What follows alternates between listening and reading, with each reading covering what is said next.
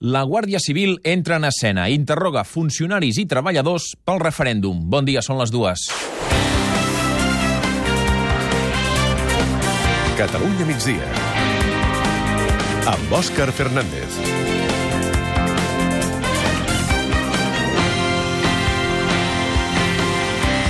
Segueixen les traves de l'estat espanyol a la convocatòria del referèndum de l'1 d'octubre. Avui hem sabut que és la Guàrdia Civil qui ha entrat en escena. Interroga, com dèiem, funcionaris de la Generalitat i també treballadors externs.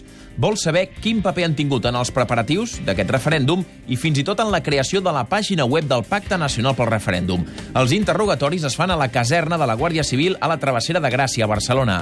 Allà hi tenim la Victòria Vilaplana. Bon dia. Hola, bon dia, Òscar.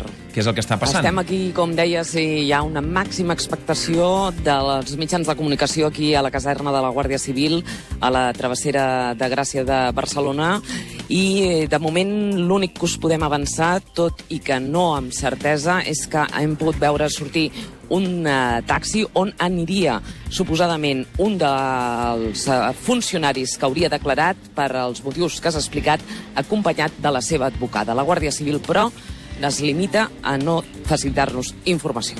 Doncs de seguida tornarem per tal de saber, si és que és possible, alguna de les coses que està passant en aquesta caserna. Sembla que, per exemple, un dels responsables de les xarxes socials del govern seria un dels que han estat cridats a declarar davant de la Guàrdia Civil. Sobre aquestes pressions de l'Estat n'ha parlat al Parlament el president Carles Puigdemont. Parlament, Carme Clèries, bon dia. Hola, bon dia. Sí, assegura que en lloc de dedicar-se a d'altres qüestions, el govern de l'Estat es dedica a investigar fabricants d'urnes i subministradors informàtics. Ara bé, avisa que ni els espantafuncionaris ni els caçaurnes no podran espantar i caçar els milions de ciutadans que volen votar.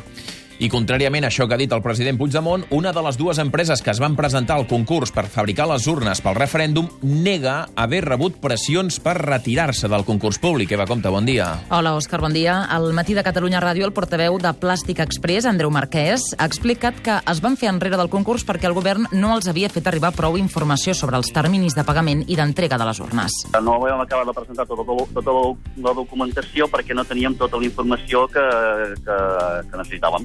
Uh, vosaltres heu rebut alguna pressió d'algú per retirar-vos? No. No, en absolut. Ni ha vingut la Guàrdia Civil, ni han vingut els Mossos, ni, ni la municipal. A banda de tot l'embolic per les urnes i el referèndum, hi ha una altra notícia que es produirà, de fet, aquesta tarda a Roma. L'arcabisbe de Barcelona, Joan Josep Omella, serà nomenat cardenal pel papa Francesc aquesta tarda, com dèiem. Omella diu que és una gran responsabilitat aconsellar el pontífex. I això em fa una mica de por, perquè jo, de capellà de poble, ja sé el que es pot fer i no pot fer, però aconsellar el papa no és tan fàcil. Però bueno, si ell me demana aquest servei, pues, en humilitat i amb confiança i amb lealtat diré el que tinga que dir i ja està. En l'acte que es farà al Vaticà l'acompanyaran el president Carles Puigdemont i la vicepresidenta espanyola Soraya Sáenz de Santa Maria. Paral·lelament a tot plegat, avui hem tingut operació antijihadista internacional, perquè hi ha hagut actuacions a Mallorca, a Alemanya i al Regne Unit. Sí, la policia espanyola ha detingut a Mallorca quatre sospitosos d'integrar una cèl·lula d'estat islàmic. També hi ha un detingut a Alemanya i un altre al Regne Unit. Se'ls acusa d'enaltir la jihad i de captar terroristes. Sembla que la cèl·lula la coordinava un imam radical. I avui també al Catalunya migdia anirem al Game Lab, al Congrés Internacional de la Indústria del Lleure Interactiu, que des d'avui i fins divendres es fa a l'Hospitalet del Llobregat. És la cita anual de la indústria dels videojocs i els gurús hi dibuixen el futur del sector.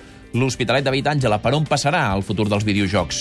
Bon dia. Doncs la realitat virtual que ja la tenim a la cantonada, segons els organitzadors de Game Lab, asseguren que ben aviat veurem grans produccions de jocs que ens permetran jugar amb ulleres de realitat virtual.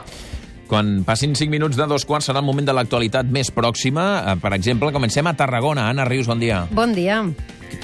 Foment reitera que el 2020 hi haurà ample mix entre Vilaseca i Castellbisbal. Les empreses químiques presents a la trobada que ha organitzat Fermer al Port de Tarragona insisteixen en la necessitat de tenir el corredor per seguir sent competitives. També va d'infraestructures, la notícia més destacada a Lleida. Pere Joan Álvarez, bon dia. Hola, bon dia. Així és, l'aeroport de la Guaira serà base d'entrenament de futurs pilots de l'Aeroclub Barcelona Sabadell i de Vueling. L'aeroport Lleidatà ofereix condicions favorables per les pràctiques, pel poc volum de trànsit aeri, per les dimensions de la pista d'aterratge i per perquè té un entorn allunyat de zones urbanes. Que és el més destacat del dia a Barcelona, Quim Balaguer. Doncs que un de cada quatre barcelonins va ser l'any passat víctima d'un delicte. Tot i això, l'enquesta de victimització de l'Ajuntament assegura que millora la percepció de seguretat a la ciutat. La mostra revela que es dupliquen els conflictes de convivència vinculats al turisme. I avui acabem la ronda per Girona. Marc Vidal, bon dia. Bon dia, i parlant precisament de turisme, Lloret de Mar posa en marxa una campanya de civisme per reduir tensions entre turistes i residents. Alcalde Jaume Dolçat alerta contra la turismofòbia que detecten altres indrets i defensa que Lloret els turistes sempre seran molt benvinguts. I després de les notícies pròximes serà el moment de l'actualitat esportiva, quan faltin 20 minuts per arribar a les 3. Jordi Turria, bon dia. Hola, bon dia. D'entrada ampliem un parell de notícies que són d'última hora. Una és la decisió de la Fiscalia Britànica d'inculpar el comissari de policia encarregat de la seguretat de la tragèdia de l'estadi de Hillsborough, on van morir 96 persones ara fa 28 anys durant un partit de la Copa Anglesa entre el Liverpool i el Nottingham.